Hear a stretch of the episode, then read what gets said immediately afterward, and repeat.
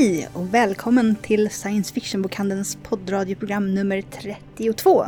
Dagens avsnitt ska handla om Worldcon och The Hugo Award, det största science fiction och fantasypriset. Jag heter Jenny. Och jag heter Gabriella.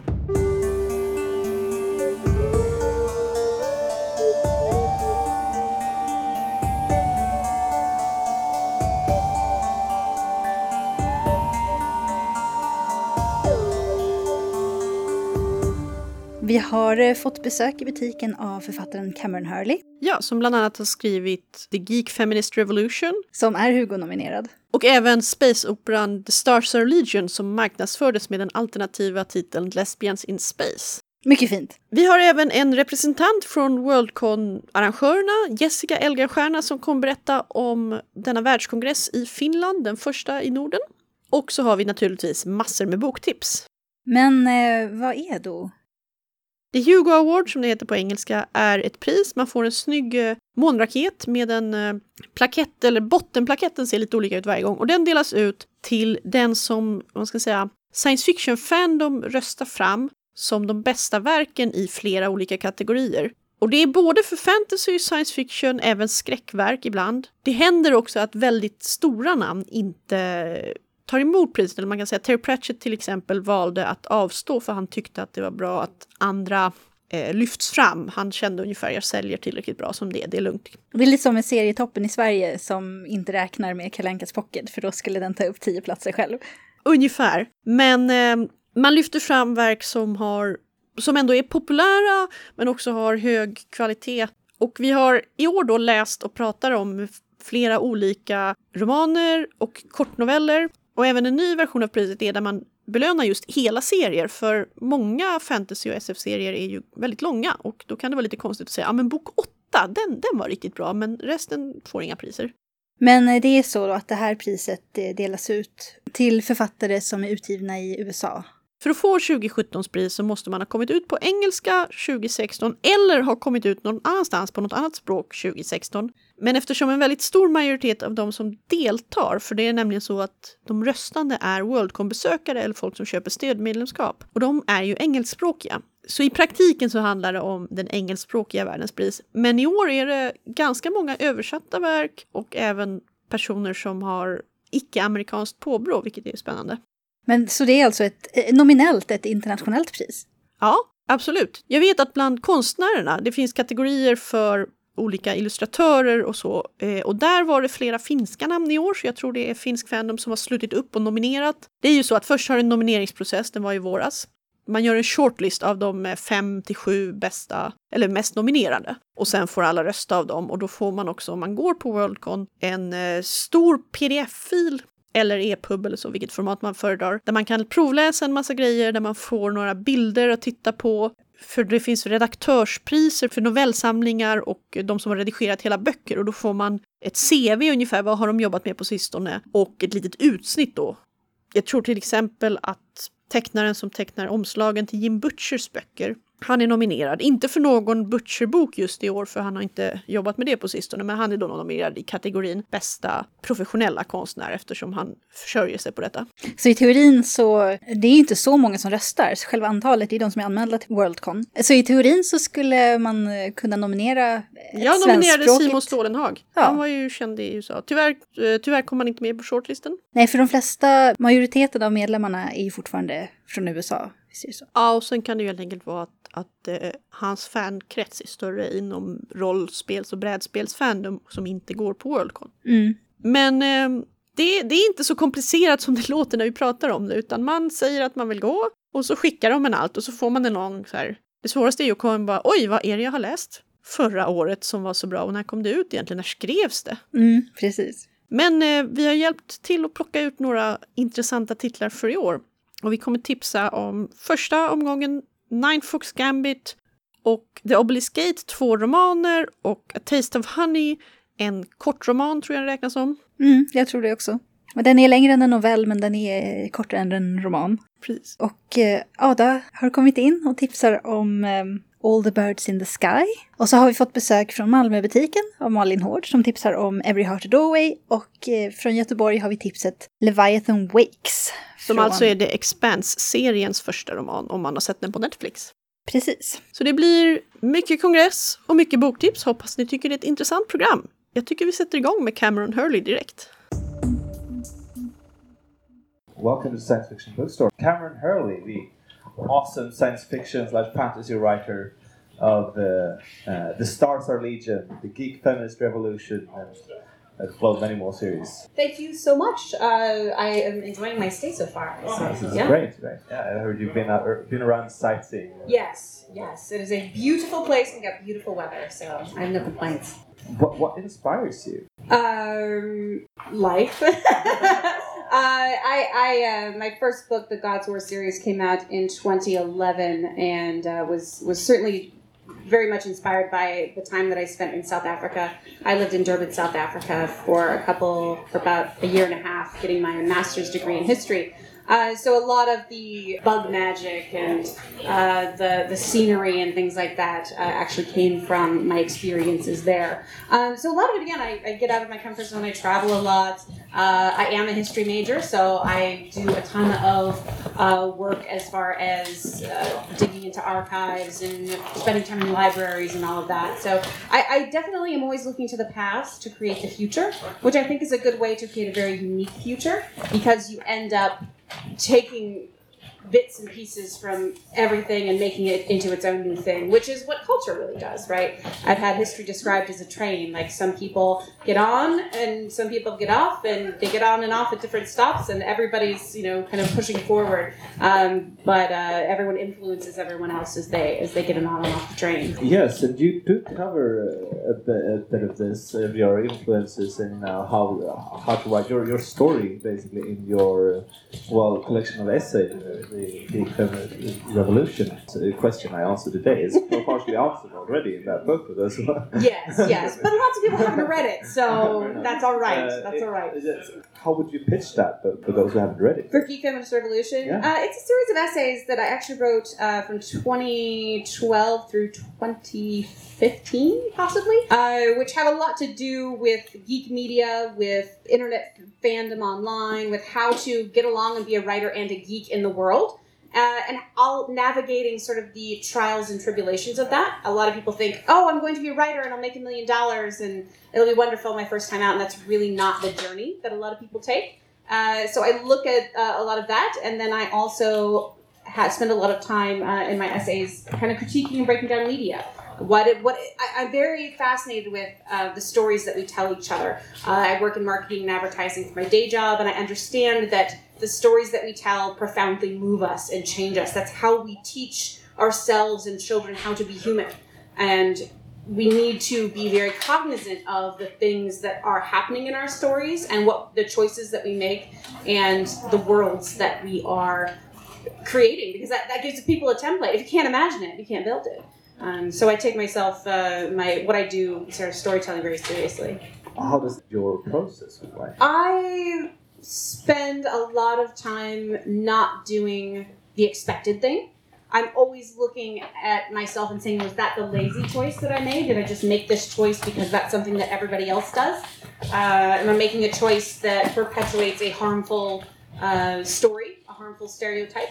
Uh, it certainly is something I'm very cognizant of in all of the fiction that I'm writing. I'm very, I'm very aware of tropes. Uh, sometimes I miss things like anybody else, but I do try to have some some first readers and things who help me out with that sort of thing. Your latest book, The Stars Are Legion, for those read. Well, John Scalzi says it's badass, so everybody should read it. Basically, It is. uh, yeah, it is. See, there you go. Uh, it is a story. It is a, uh space opera uh, set in a uh, world of decaying. Uh, this legion of decaying world ships.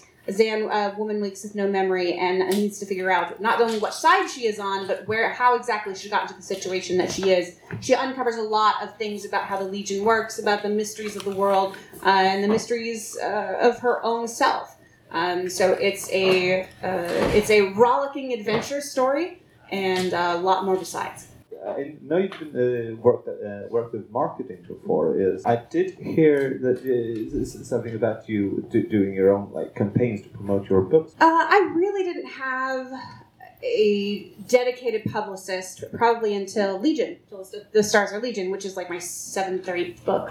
so so you're kind of on your own. You you uh, they will send out you know, the stories and things for you, the books and things for you to reviewers, but you need to figure out how to kind of generate buzz and and promote yourself as well. Uh, so I kind of I, I, distill everything down to its its basic essence. Uh, with the you know the the Gods War books, I say, hey, it's the Mad Max in space with chopping off heads and bug magic. And people like, oh, hell, Mad Max in space, I'll take it.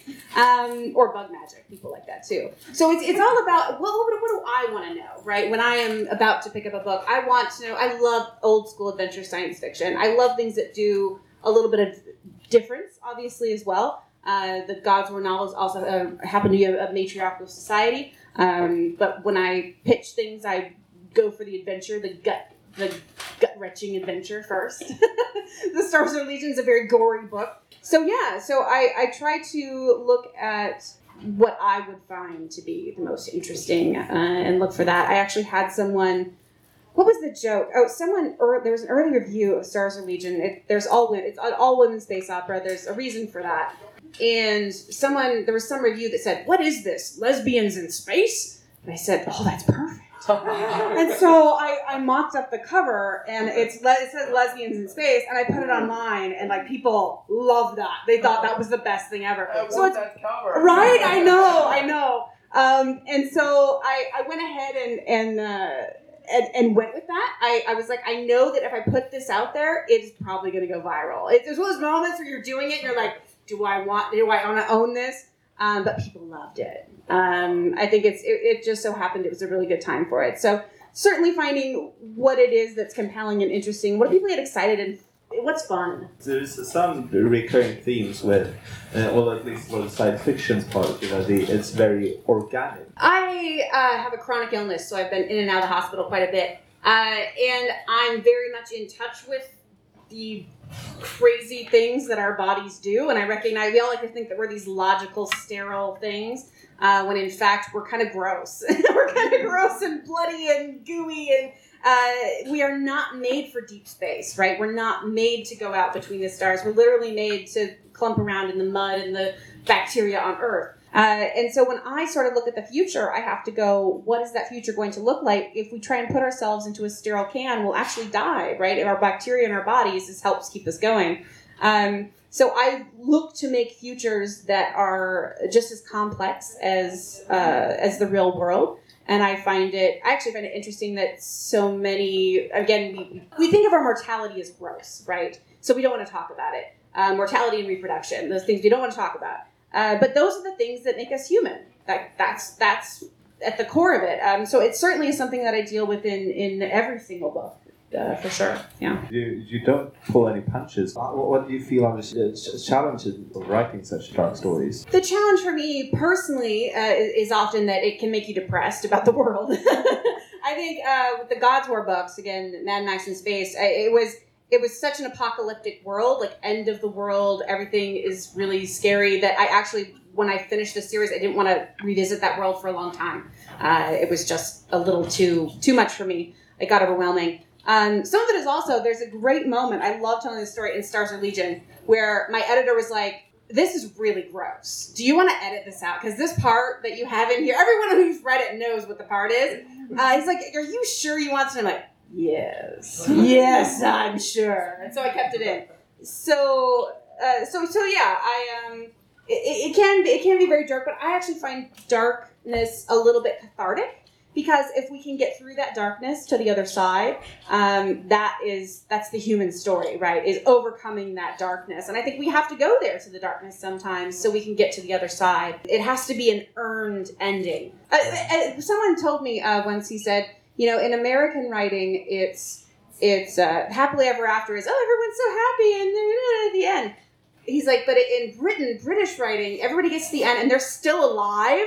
That's a happy ending. So they're just still alive. They could be on the street. They could be living out of a cave, but they're still alive. That's a happy ending. So mine is they're still alive and the world appears that it may get better. If someone were to start reading your books today, where would you recommend they start? Uh, it really depends on uh, what they're into. I think if you really love science fiction, uh, especially space opera, Stars and Legion is a great place to start. If you love epic fantasy, The Mirror Empire, which I haven't even touched on, is about these two parallel universes colliding, and they have to basically fight themselves. Uh, so they're, they're they're their own big bad. So that's a very good place to start if you love fantasy. Um, and if you love crazy Mad Max in space, there's God's War. So if you love uh, nonfiction, right? There's also the nonfiction collection, Geek Feminist Revolution. So yeah. What are you working on right now?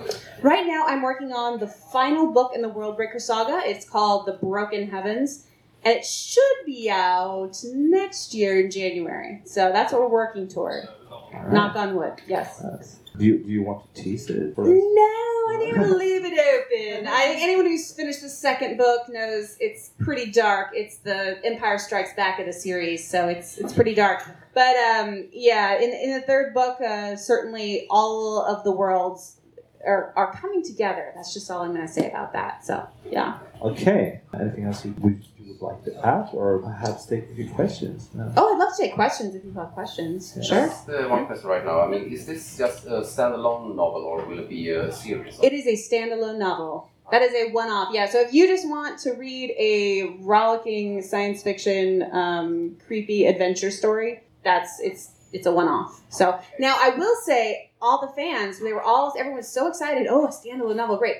Are you going to write any more? You, sure you don't want to write a prequel? So people are starting to ask if I if I would do a prequel, and I don't know, maybe. Maybe I will. We'll see. Uh, I really want to write a weird 80s murder mystery series that's, you know, like Stranger Things, except really weird, like Cameron Harley weird.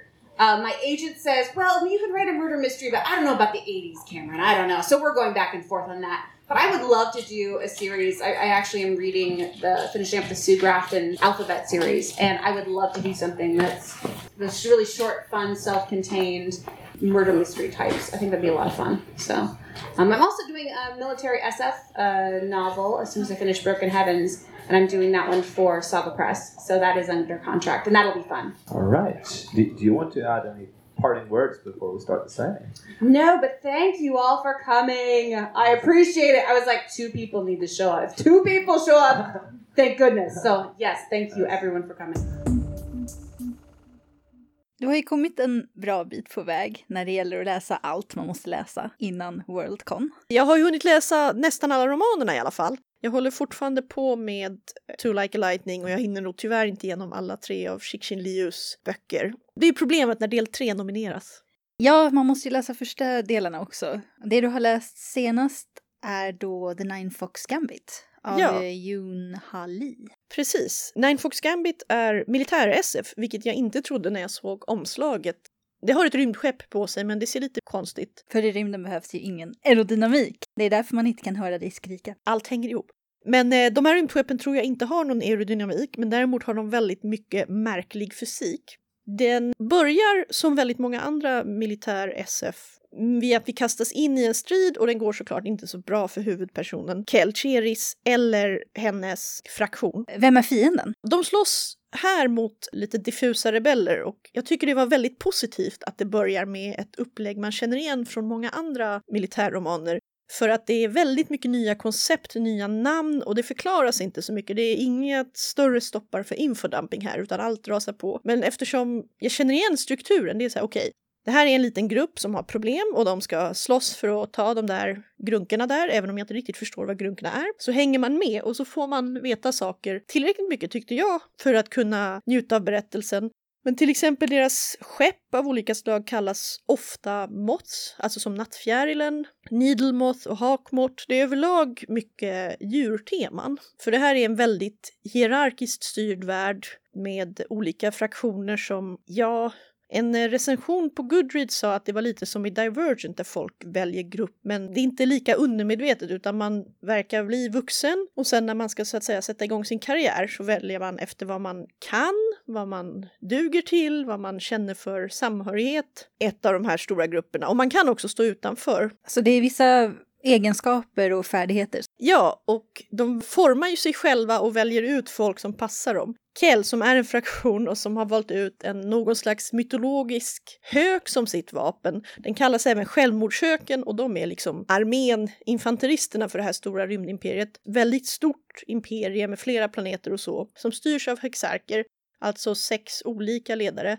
Och som jag tror det, det antyds, det sägs inte riktigt rakt ut, men de här Kell, deras högste ledare är någon slags övergeneraler och de har typ kopplat ihop sina sinnen. De är ett hive mind. Ja. Vilket har både för och nackdelar och om man går med där så utsätts man för en kanske frivillig hjärntvättning så att man blir väldigt, väldigt inne i man får en slags en stark instinkt för hur det är att vara del av en trupp och de soldaterna är otroligt samspelta. Sen finns det då den här eh, gruppen som representeras av den niosvansade räven. Det är därför det heter The Nine Fox Gambit. Och där märks ju författarens koreanska påbrå för det är i Asien så är de mångsvansade rävarna visa, smarta och jättefarliga tricksters.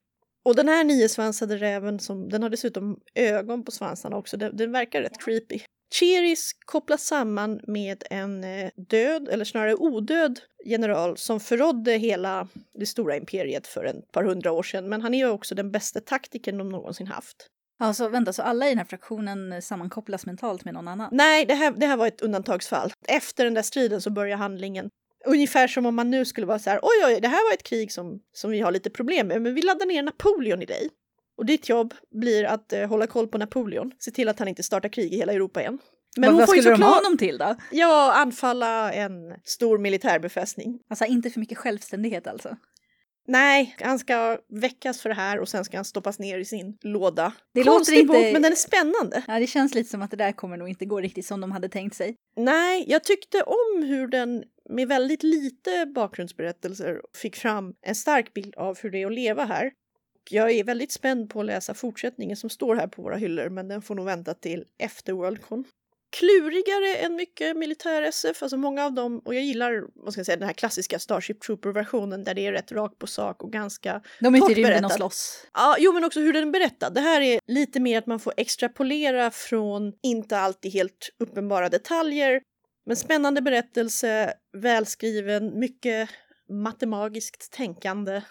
Bra rymdfighter också. Det låter intressant. Den tänker jag också läsa. Se om jag hinner det innan Worldcon. Det vore ju faktiskt bra. Och du hade läst en av långnovellerna, eller hur? Mm. Jag har läst Kaja Shante Wilsons A Taste of Honey, som är en, en eh, kortare berättelse. Men inte lika kort som en novell. De kallar det för eh, novella. Short story är det som vi på svenska kallar för novell. Den här är i alla fall mindre än 200 sidor och den var eh, ganska lättläst. Inte intressant berättad på det sättet att den handlar mycket, det handlar om eh, vad ett val kan betyda för ens egen tidslinje. Är det fantasy eller science fiction? Det är absolut fantasy. Det utspelar sig, vad ska man säga, det är en konflikt mellan inte Kartago och inte Rom.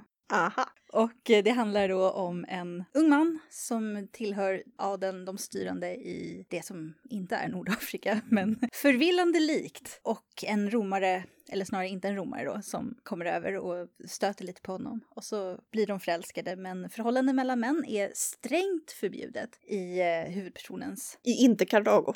Ja, precis. I hans land. Hans val blir ju då, ska han följa med den här mannen som han har mött eller ska han stanna, göra sin plikt mot familjen, gifta sig och skaffa en eh, arvinge. Den här boken är då berättad i glimtar från huvudpersonens liv där man får se honom i olika skeden då. Det är invävt med berättelsen om hur han mötte den här mannen. Så att hans hela liv och de här korta dagarna när han möter eh, den här mannen som han blir förälskad i tar lika mycket plats i berättelsen. Och det tyckte jag var intressant. Huvudpersonen då som heter Akib och man han blir förälskad i Lucrio. Det är deras berättelse, det, det, är inte en berättelse om världen egentligen. Men det utspelar sig mot bakgrunden som är ett extremt sexistiskt samhälle som Akib lever i. Det här med könsrollerna, vad män får göra, vad kvinnor får göra är, är väldigt uppdelat.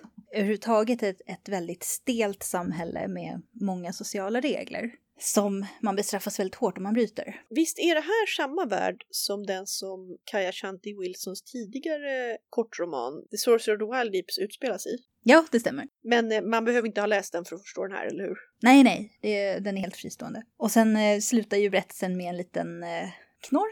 Ja, det är många, många kortare berättelser gör det. ja, det är ju lite av poängen med att skriva en, en eh, novell.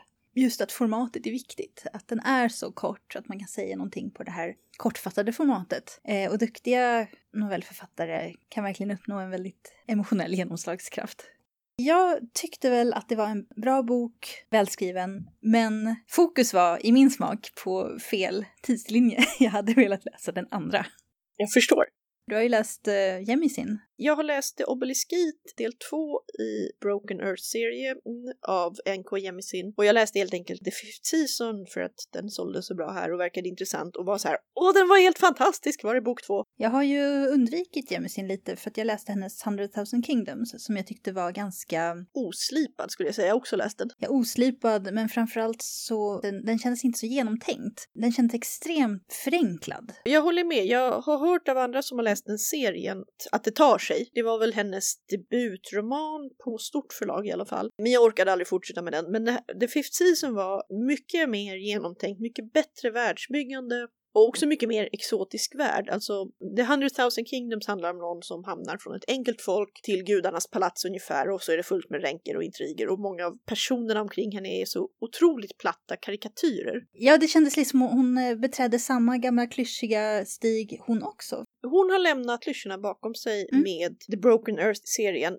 Hon tar upp flera ämnen som jag aldrig har sett förut. Det är en fantasybok. Hon eh, fokuserar som alltid ganska mycket på etnicitets och eh, könsmaktsordningsperspektiv, men här mycket mer framgångsrik. Så hon har olika etniska grupperingar, men de är inte bara pannkaksflippade mot vår värld, utan det finns andra grupper och hur de har fått makt gås igenom. Inte, inga långa infodumpningar om det, utan det är mer en kort förklaring att ja, men personer med så här, jag tror att hon beskriver dem att de har hår ungefär som fårull. De kommer från den här delen och sen får man lite senare höra att ah, men den där delen överlevde en, en stor katastrof och därför fick de mer makt. Det är nämligen så att den här världen drabbas väldigt ofta av extremt stora jordbävningar. Och nu pratar vi inte tänk Japan eller Kalifornien, utan nu pratar vi så här jordbävningar som, och vulkanutbrott som släpper ut så mycket gas så att det blir vinter i fem år. Mer som när Krakatau exploderade var hundrade eller var tusende år om man har otur. Och det kallas då den femte årstiden. Du har de vanliga fyra årstiderna och så har du den här extra årstiden när allt går åt helskotta. Lite som när vintern kommer i Martins. Ja, fimbulvinter. Det är en onaturlig årstid och man måste förbereda sig för att överleva. Det har bildats ett stort rike som har liksom tagit makten över alla och de har gjort det genom att de lärde sig att ah, om man gör så här och så här då överlever man årstiderna bättre. Och sen har de allt eftersom undertryckt alla andra folk som har liksom byggt sin lilla högkultur och sen slogs den ut när det kom en sån här femte årstid. Vad är det för nivå på teknologin? Den är ju ganska låg, men grejen är att de har ju magi. Jag tror det är ett genanlag, för det går i arv lite grann, men det kan komma upp spontant. Personer som kan kontrollera jordbävningar. Och de kan ju bygga helt fantastiska saker, för de kan göra annan mineralmagi också, men samtidigt så är de väldigt fruktade av andra för att det de verkar göra är att de på något sätt omfördelar den entropiska energin. De kan leda bort kraften från en jordbävning och skydda en plats, men de kan också suga ut värmen ur en människa och döda dem. Mm. Det låter lite som magin i Fullmetal Alchemist. Då han använder ju också... Fast det är mycket mindre ritual, det är det. Det här är instinktivt. Det är därför de är så hatade, för små Ja, jag barn- menar Ja. eh, källan till kraften kommer ju i Fullmetal Alchemist också från de tektoniska rörelserna Ja, i eh, jordskorpan. Problemet här är då att barnen kan ha det. Och jag menar, när du är fyra år så har du inte så mycket kontroll över dig själv. Imperiet faller i början av boken för någon sliter sönder hela jordskorpan. De skapar alltså en enorm förkastning, tror jag det heter på svenska. Vår huvudperson, hon känner direkt att det här kommer bli årstidernas årstid. Den här kommer inte, det här är ingen vinter för hundra år, det här är kanske tusen år. Eller tiotusen om man har otur. Och vad kommer hända med mänskligheten då? För jag menar, inga förråd räcker så länge. Ja, och vad kommer hända med resten av, av livet om det blir liksom... Det, det, det är ett problem. Vi pratar fortfarande om bok 1 i serien till Fifth Season, men jag måste göra lite upplägg här för att ni ska förstå resten. Men hon har samtidigt ett mycket mer akut problem för att när denna katastrof inträffade så hon har de här krafterna men hon har dolt dem, lever som en vanlig kvinna i en by. Men hennes son hade de också, hennes unge, jag tror han är fyra år kanske. Och han blir mördad av sin pappa i raseri efter att han har räddat deras hus. Det här händer alltså liksom i, i öppningskapitlerna av boken. Det här är en mörk fantasybok. Det är också ganska mycket om utnyttjandet av de de här personernas kroppar för att de avlas som djur för att få fram liksom den mest lämpade eh, jordbävningsavledaren ungefär av det här kejsardömet. Är det Och det här, här är- kejsardömet, är det, är det det som... ehm, Det är de som de består av personer som inte själva har den kraften men de kontrollerar i stort sett alla som har och det har funnits ganska länge? Det har funnits, eh, överlevt flera årstider. Det är ju en parabel också på, man ska säga det tidiga USA, slavsamhället. Mm. Triangelhandeln och utnyttjandet av afrikanska personers deras liv, deras kroppar, deras arbete och deras fertilitet. Mm, för det här är ju en amerikansk författare också. Ja. Mm. Och jag gillar hur, alltså det finns inget, det finns ingen eh, borta med vinden eh, dekoration.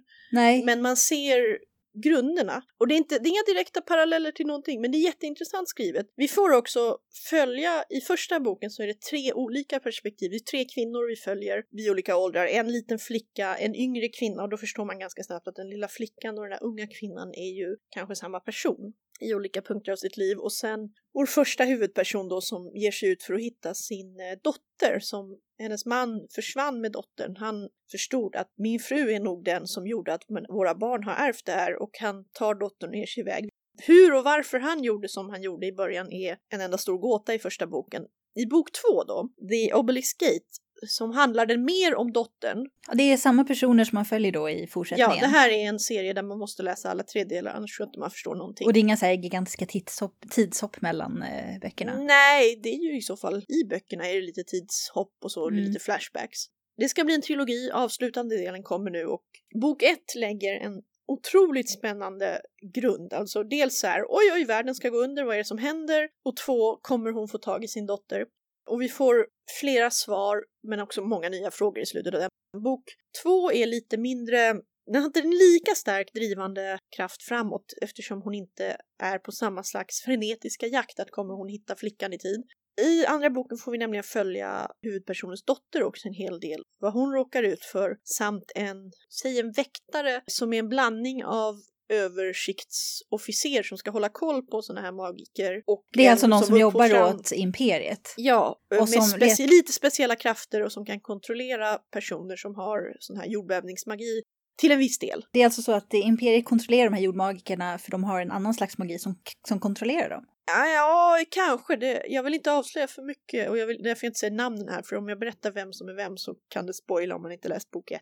Ja, jag Men inte... eh, jag undrar om det där är så olika magier egentligen. Min teori är att det verkar vara samma magi men de har gjort något med den. De påverkar den. Ja, det är precis som i eh, Robert Jordans Wheel of Time. Nu. Ja. Då har vi ju eh, de här som kan använda kraften och sen kommer det ju ett, de blir invaderade av ett imperium från, eh, Ja, från väst där alla som kan använda den här kraften är förslavade genom ett speciellt slags koppel som vissa personer kan använda. Och det visar sig sen efter ett tag att eh, de som kan använda de här kopplen till att styra, de som kan använda kraften, de kan egentligen också lära sig att använda kraften. Jag tror det är något liknande som pågår men jag ska inte svära på det. Jag måste säga när jag läste boken, jag trodde först att jag hade mycket mer koll än jag hade och sen kom det ett par twists som överraskade mig på ett väldigt positivt sätt.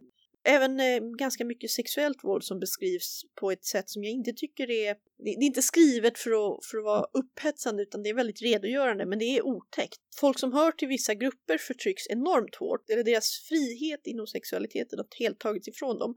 Det är väldigt gripande bilder av sorg och också känslan av förlusten av ett barn är väldigt välskrivna tycker jag. Så det här är kanske också mer en berättelse om eh, den personliga historien snarare än en berättelse om ett imperium som faller. Absolut, Imperiet är en... Rekvisita! Ja, och jag tror det är det som är hennes grej. Det, är liksom, det känns som att här lyckades hon i mycket högre grad, alltså Jemisi nu, än i The Hundred Thousand Kingdoms och berätta en berättelse både om de som inte får sina berättelser nedskrivna annars och också ändra hela strukturen för hur man skriver världen går under och imperiet faller. Mm. Så jag, jag tycker den är väldigt välskriven på flera plan. När vi spelar in det här har jag fortfarande inte bestämt exakt hur jag ska rösta men den är en av mina topp tre av årets Hugo-romaner. Nu tycker jag att vi lyssnar på Adas boktips för hon har nämligen läst All the Birds in the Sky. Hej Ada! Halloj! Du är här för att ge oss ett litet boktips. Ja. Och vad har du läst? Jag vill tipsa om All the Birds in the Sky av Charlie Jane Anders som kom förra året som jag tycker är himla kul. Det, hon kallar det själv någon slags blandning av science fiction och fantasy och det är så ganska, jag tycker det är ganska svårt att placera i genre. Lite parallell verklighet till vår egen med lite inslag av magi. Men inte en eh, slags pseudomedeltid med Nej, nej. drakar. Absolut inte. De utbefin- befinner sig i Silicon Valley, San Francisco och eh, alla har smartphones och är med i någon slags socialt nätverk som heter Miu som ju Mm. då typ är Facebook. Och, och Charlie Jane Andrews själv har sagt att hon ser det som någon slags blandning av science fiction och fantasy. Folk som jag har frågat, som jag har tvingat att läsa boken, brukar ju tänka på Neil Gaiman, också det här, liksom, vår moderna värld, men Ah. med någonting annat också. Så. Och ja, om man ska prata om vad den handlar om lite grann så är det liksom en häxa och en galen vetenskapsman. Lite sådär tekniken versus magin och naturen. Men lite smartare än så också. Det är inte så att en är ond och en är god, utan de är väl på samma lag ungefär. Och det stora problemet som finns i bakgrunden är ju samma problem som finns i vår värld med liksom miljöförstöring och med konflikter och man anar att det händer någonting där liksom i bakgrunden som samtidigt, precis som det är för oss, kanske inte påverkar vårt dagliga liv direkt. Men de ligger i någon slags konflikt då under bokens gång Ja. eller? Jag var, blev så intresserad av det för jag tyckte att det var så smart att de inte riktigt var fiender. Nej. Utan jag, så jag försökte se vad hon själv hade sagt om det, författaren. Och hon sa att hon hade tänkt att det var det klassiska först, så här konflikten magi och, och mysticism versus liksom vetenskap och teknik. Eh, och sen så tänkte hon själv att nej men det är väl, det är väl lite roligare om de inte eh, bråkar. Så de Ja. här två huvudpersonerna, Patricia som är en häxa visade det sig, får gå på magiskola, Oh. men, men inte, inte Hogwarts. Och, och Lawrence som då är någon slags whiskid som sådär bygger en superdator hemma i sitt pojkrum. De är faktiskt kompisar som barn och sen så, ja, livet tar dem till olika, olika vägar. Och sen möts de igen och, och då är de ju inte på olika sidor egentligen utan båda har ju, är ju fortfarande ganska hyggliga personer med lite, ja, som, som delar en historia och som också Delar en värdegrund kanske? ja, delar kanske en värdegrund. Mindre. Och erfarenheten av att vara liksom den konstiga ungen i klassen. Så att de, de möts igen och, och försöker väl båda två göra sitt bästa för att eh, liksom, gö- göra gott med de medel de kan. Om du får välja en sak med boken som du tyckte var bäst. Oj, nej men jag tycker det är ett, ett så här, en smart bild av vår egen värld, fast inte riktigt vår egen värld ändå. Det här att alla har smartphones som inte riktigt är som våra smartphones och att eh, Lawrence, den här tech-killen, jobbar för någon typ av Elon Musk-karaktär, alltså Tesla-vdn, fast just det. inte riktigt kanske. Men det är ju jätteroligt. Ja, men jag två tummar upp. Jag sitter här med en representant från Worldcon som ska berätta om allt spännande som händer i Finland alldeles, alldeles snart. Välkommen Jessica Elgenstierna. Ja, hej, tack. Hur jobbar du med Worldcon? Ja, jag, ingår i, jag är en av de som har jobbat under ett och ett halvt års tid med att förbereda det här. Jag jobbar lite med press och media och hjälper dem. Vill du berätta för de av våra lyssnare som aldrig har varit på en världskongress eller kanske ens aldrig hört talas om en världskongress. Vad är Worldcon och varför Mm. är det så speciellt att det äger rum i Norden för första gången? Jag är ju inte värsta experten. Jag har själv bara varit på en Worldcon. Den var i London för några år sedan. Men då blev jag helt såld. Det var så häftigt. En Worldcon, det är alltså en, ett stort arrangemang. En slags, det är inte en mässa, utan det är mer av en konferens. Men det låter ju väldigt tråkigt och det är det inte. Det är väldigt roligt. Men det är av fans och för fans. Av science fiction och fantasy och anhängande nördintressen. Det finns verkligen någonting för alla på en världskongress. Och det här ordnas varje år och det har man gjort i, eh, ja det här blir den 75.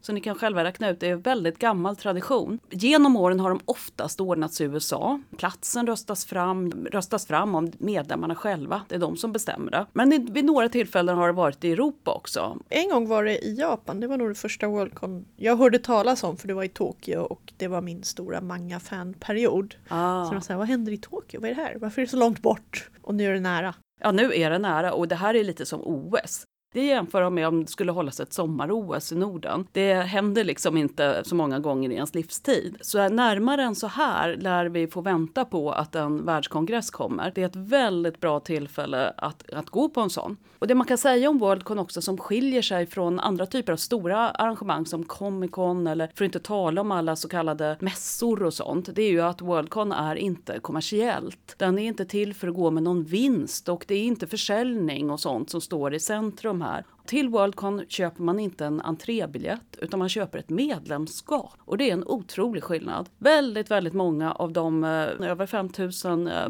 deltagare som vi väntar kommer dit, de kommer ju att medverka i olika programpunkter själva. Sida vid sida, här möts fans och författare på lika villkor. De etablerade författarna allihopa, och det är många, många, många som kommer vara där, de betalar också medlemsavgifter. De går inte in gratis.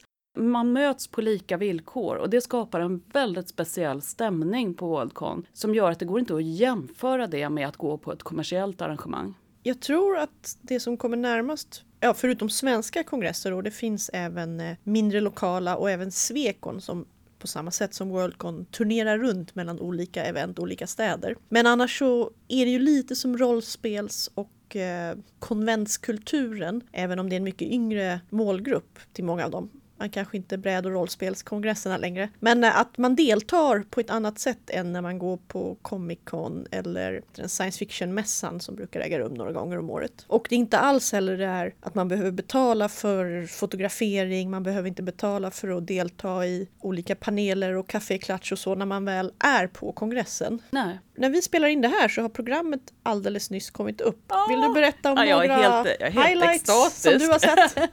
Det kompletteras hela tiden. Ja, det här är det är uppe ett preliminärt. preliminärt. program och eh, det finns en väldigt behändig app man kan använda för att planera sitt kongressdeltagande. Den heter Grenadin, rekommenderas varmt. På hemsidan såg det ut som att det var typ 800 programpunkter uppe redan. Det är 200 per dag på, på de tre tjockaste dagarna och en 100 på de andra. Så att det, ja, själv hade jag ju, när jag var på Worldcon i, um, i London, då var det ju 25 parallella programspår. Det fanns för alla inriktningar. Får jag bara flika in, vad är ett programspår? Det finns ju en del som är, inte är så himla intresserade av eh, drakar och demoner och fantasisvärld utan gillar rymdkolonisation. Och då kan du gå på science, liksom bara sådana programpunkter och du kan i stort sett fylla dina dagar med bara sånt om du vill det.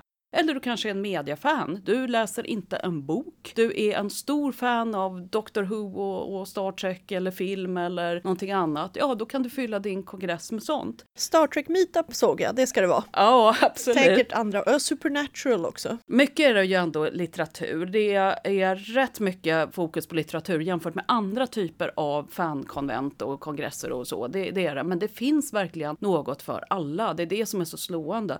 Det som kan ge mest kan vara att gå på någonting helt oväntat du aldrig hört talas om. Något jag tyckte var häftigt där också, de här rymdmänniskorna. Och vi kommer, de hade en astronaut där och vi kommer ha en astronaut. Kjell Lindgren heter han. Svenskklingande namn, men jag var, han är inte svensk. Han är, är i högsta grad aktiv inom NASA och kommer vara med på en del sådana här programpunkter. Jag, jag tycker sånt är jätteroligt. Så att det var en som handlade om hur kommer liksom rymdutforskandet de närmsta 20 åren se ut? Vilka rymdfärder har vi? Och jag är en av de som går där och funderar mycket över om jag kommer få se marslandningar med människor i min livstid. Sånt vill jag väldigt gärna gå på. Men andra tycker ju, för många tycker ju att Hugo-utdelningen är väldigt stor också. Det är ju som en slags Oscarsgala för eh, fandom. Och den är lite högtidligt, folk är lite uppklädda. Där får man verkligen se kändisar. Det är ju många tunga namn som är nominerade och tar emot priser.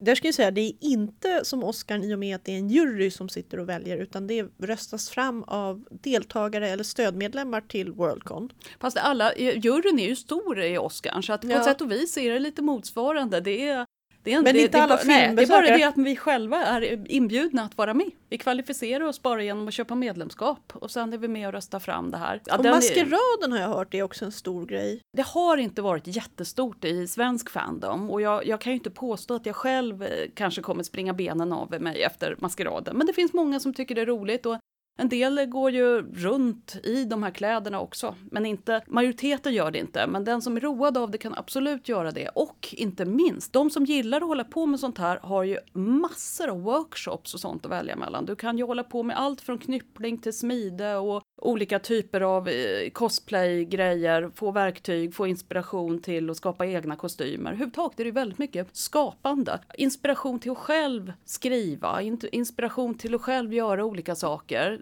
Det, det är också, man är inte alls någon passiv konsument här utan det finns något. Och jag, jag vill också nämna att vi har ju särskilt barnspår, tycker jag är också roligt. Alltså att det finns programpunkter, för det är många som kanske har familj och man behöver faktiskt inte överge familjen utan man kan ta med familjen där. Och uppfostra nya små fans och indoktrinera dem till den här underbara världen. Och då finns det faktiskt någonting för dem där också. Det jobbar vi hårt på här i SF-bokhandeln också.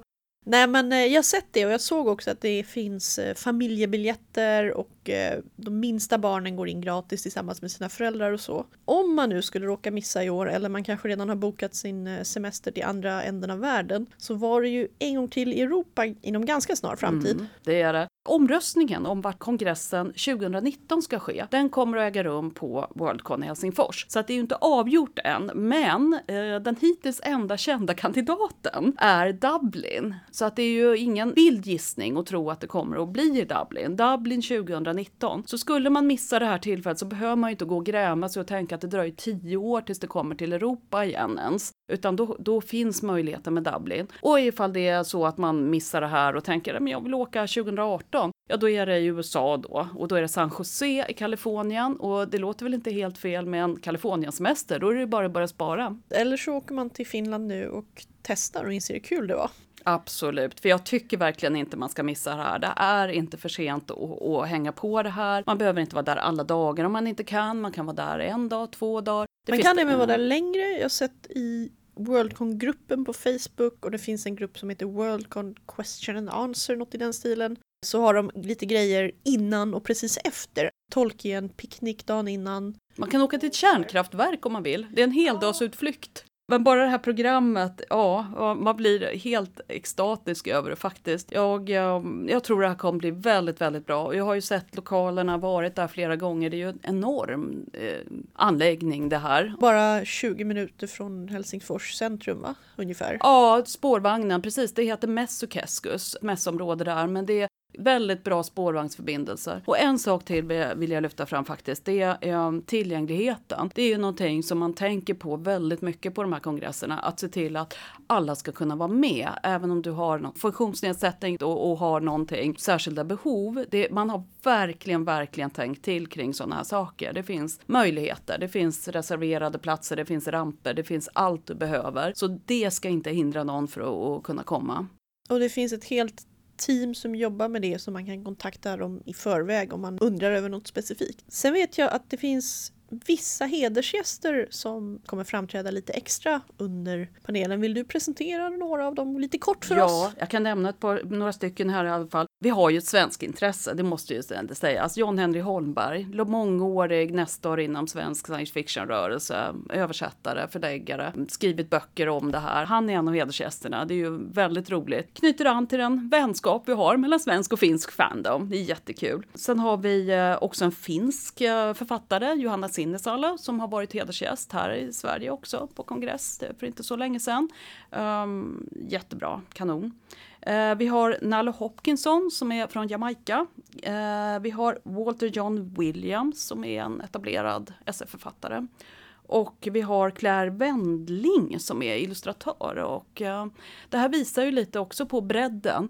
Uh, att det inte bara är en massa amerikaner heller. Det är högst medvetet. Den här kongressen har haft lite som slogan att bring the world to Worldcon. Att man, man vill ha en mångfald på olika sätt. Det är också kolossalt med många. Finsk Fandom har väldigt mycket kvinnliga medlemmar. Väldigt många kvinnor är med och arrangerar kongresser, går på kongresser. Det här kommer inte vara gubbigt. Det här kommer vara vara ungt, det kommer vara mycket kvinnor, det kommer vara mycket inkluderande. Och eh, stark eh, såg jag folktro och mytologinärvaro på panelerna och i programmet. Det är mycket om både Kalevala, nordisk mytologi, andra och special liksom, inriktningar inom det. Så det, det, finns mycket. Jag såg också bland de som eh, närvarar på Worldcon, listan över de författare och så vidare, att det var en hel del kinesiska författare. Mm. Eh, bland annat Cixin Liu ska komma och delta. Och eh, han har ju skrivit The Three Body Problem som vi presenterat tidigare i podden. Men eh, det är ju inte helt ofta han turnerar i Europa och signerar och så. För visst eh, finns det chanser att få böcker signerade om man tar med sig sina favorit böcker. Absolut. Och sen de absolut längsta signeringsköerna, det blir ju till George R. Martin, så är det ju bara. Eh, så om man prompt vill ha någonting signerat av honom, då är det så att han, han signerar inte någon annan gång än under signeringstillfällena. Det har han tydligt sagt ifrån. Och till dem så blir det ju helt bisarra köer. Så det såg vi på London, att folk som, ja, de, då får man ju skippa programpunkter ett antal timmar för att stå i den där kön, om, om det nu är det man prioriterar. Men det är en del som gör det. Men han är med i någon programpunkt också och det är ju också lite häftigt ändå. Mm. Att han är en betalande medlem som alla andra där. Det är inte skillnad på hög och låg där på något sätt eller framgångsrik eller inte. Eh, jag kan ju också särskilt, någonting jag verkligen vill rekommendera det är ju kaffeklatches där man kan ha en möjlighet att signa upp och möta, inte just honom, men väldigt många andra författare, inte bara hedersgästerna utan andra. Eh, så att man kan gärna gå in och titta i programmet och se under Also attending. Just min favoritförfattare där, inte alls osannolikt, eh, har min favoritförfattare någon möjlighet just till till exempel till de här kaffeklatches. Och kaffeklatches är alltså att man fikar med författaren i en mindre grupp. Man kanske bara är tio stycken. Själv var jag på en kaffeklatsch i London och, och hade kaffeklatsch med Adrian Ho som har, är upphovsman till Zombies Run som är min sån här favoritapp och dessutom har skrivit en väldigt bra SF-bok om 100 objects from the Distant Future eller något sånt där hette den. Den var väldigt bra. Så jag signade upp och det var bara jag och en till som kom. Så jag satt där med Adrian och med en till fan av honom i, i en timme och pratade. Och det var jätte jätteroligt att få höra liksom bakom kulisserna och hur de tänkte på, på det här för de som hittar på Zombies Run. Och, äh, det, det är så häftigt så att äh, den där chansen ska man inte heller missa att kunna komma nära. Sen är det ju många författare som man bara kan gå fram till också i bar, ta en öl med dem och prata med dem. Konstigare än så är det inte, utan här, här är man inte några som har betalt för att få en autograf eller någonting, utan man, man möts som likar. De har ju också varit fans i alla år. Så bland alla de här fansen så är ju många blivande författare och gränsen är, det finns inga gränser. Det låter jättekul. Och det där med att undvika köer, jag kan ju tänka mig att även Scott Lynch blir en del köer och vill man eh, hellre sitta på andra programpunkter under Worldcon så kan man besöka oss i bokhandeln för i samband med Worldcon så gör han Elizabeth Beer, Fran Wild, Max Gladstone och flera andra författare ett stopp här hos oss. Vi ska både ha en programpunkt på Nobelmuseet samt signeringar i butiken. Den här informationen finns på hemsidan och vår Facebook. Så då kan man köa för Scott Lynch här, få böckerna signerade och slippa släpa dem till Finland och tillbaks. Ja, men det låter som en väldigt bra idé faktiskt. Därför att det, när man är på Worldcon, i alla fall om man är som jag var förra gången, första gångs besökare, då har man verkligen annat för sig än att, än att sitta i en kö. Ehm, själv så sprang jag på programpunkter från 10 på morgonen till 10 på kvällen. Jag hann knappt äta, för det var så himla roligt och inspirerande. Sen finns det andra som struntar fullständigt i programmet och som tycker att det är mycket roligare att bara umgås i baren med folk man känner. Men det, det, det får man själv känna efter. Vad är det man tycker är roligt? Och så ägnar man sig åt det. Um, själv kommer jag nog att, jag ska ju jobba en del, hel del på Worldcon, men jag hoppas att hinna med och lyssna lite på den här, uh, lite NASA och astronauter och jag uh, kanske ta och svänga mina lurviga också lite. Det finns sån här dans, uh, jag håller på med historisk dans, vad nu det har med science fiction att göra, men det, det är sån här nördintresse man kan göra. Ja, Hålla men... på med Regency-dans och så, det, det kanske jag hoppar in i lite ja, alltså om Joe Walton kan skriva Regency-böcker med drakar, då måste ju även de kunna dansa. Ja, eller hur? Och någon ska göra det. Så att ja, men tack så mycket för informationen och då syns vi allihop på Worldcon. Ja, det hoppas jag verkligen. Då ska vi få ett tips från en medarbetare i Malmöbutiken. Malin ska berätta om Shonan McGuires Every Heart a Doorway som är en kandidat till Bäst novella, alltså bästa kortroman. Hej! Hej! Varför är den här boken så bra och varför har den redan vunnit några priser i år? Jag tycker att den här boken är helt underbar och väldigt drömsk, mysig, jättefint skriven. Det är väldigt bra språk i den. Det är många gånger när jag har läst boken som jag har stannat upp när jag har läst en mening och måste vila lite i meningen och sen fortsätta läsa. Jag tycker det är helt underbart. Vad är det för slags berättelse? Det handlar om Nancy som är 17 år som har varit i underjorden. Hon har varit i Hall of the Dead, kommit tillbaka till den här verkligheten. Hennes föräldrar tror inte på henne såklart och skickar henne till en skola för att hon ska kunna hantera att komma tillbaka till den här verkligheten. De vill ha tillbaka sin dotter. Den här skolan hjälper andra barn som har varit med om liknande upplevelser. Och när hon kommer dit så visar det sig att alla barnen har varit i andra verkligheter också, hittat andra portaler det blir en stor chock för henne. Hon trodde att hon var ensam om det här. Men den här skolan ska hjälpa barnen att hantera sorgen över att komma tillbaka till vår verklighet. När jag läste blurben på baksidan tyckte jag att det lät lite som Miss Peregrines Home for Peculiar Children. Vet du, är det samma stil eller det verkar mer handla om någon som varit med om någonting än att de har fått speciella krafter? Ja, det här handlar ju om de som har varit i andra världar. Det här har påverkat dem väldigt mycket. De kommer tillbaka och är inte riktigt sig själva, men samtidigt som har de varit i en plats som de har upplevt som har varit hem för dem. Det känns som att de har kommit hem. De har haft det här i sig redan och de har kommit till den här platsen och vill stanna kvar där men måste ta sig tillbaka. Och det är klart att det, det påverkar dem på olika sätt.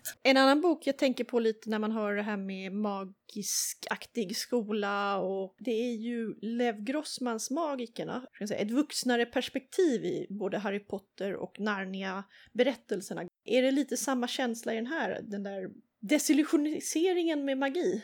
Ja, men det kan man väl säga. Eh, men främst är det nog den här sorgen över att komma tillbaka till den här världen. När man, när man bara vill stanna kvar i den andra världen. Och en annan sak jag vill nämna som jag tycker är väldigt fint är att huvudpersonen i den här boken är asexuell. Och det finns en transperson med i boken och jag tycker det är väldigt viktigt att nämna för det behöver ju inte bara vara heterosexuella personer i såna här böcker. Alla får vara med.